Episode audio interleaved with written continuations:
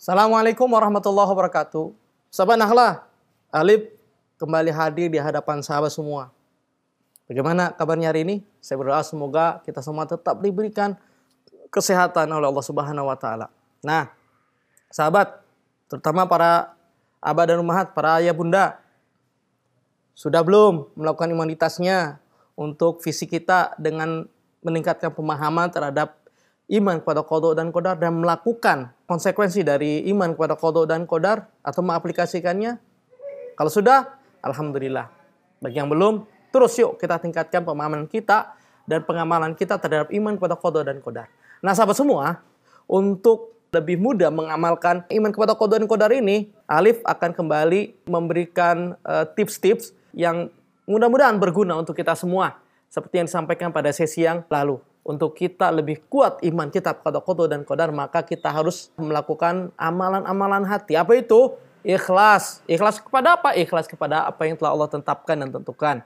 Kedua, ridho. Ridho apa? Ridho dengan apa yang Allah berikan kepada kita. Kepada seluruh ketentuan yang Allah berikan untuk kita. Ikhlas, eh, ridho, ya. Kemudian apa lagi tuh selain ikhlas dan ridho? Menerima. Kabul, menerima apa yang Allah tentukan. Gitu sahabat semua ya. Nah, kemudian sabar. Ya, sabar terhadap apa yang Allah tentukan eh, untuk kita semua tentunya. Ya, nah oleh karena itu sahabat semua, agar amalan hati ini juga bisa terbiasa kita lakukan, maka kita bisa bisa perbantukan dengan amalan zikir, amalan lisan yang kemudian kita pahami, kita camkan di dalam hati kita. Apa itu amalan zikirnya? Kita baca la ilaha illallah wa syarikalah lahul mulku wa lahul hamdu wa huwa ala kulli syai'in qadir. Kita baca perbanyak istighfar. Astagfirullahalazim wa atubu ilaih. Ya, kita baca apa lagi? Ya subhanallah bihamdi subhanallahil azim dan seluruh zikir-zikir yang sesungguhnya itu membuat kita tenang. Ala bidzikrillah tatmainnul qulub. Itu sahabat semua. Kapan bisa kita lakukan? Kapan saja. Terutama di malam hari.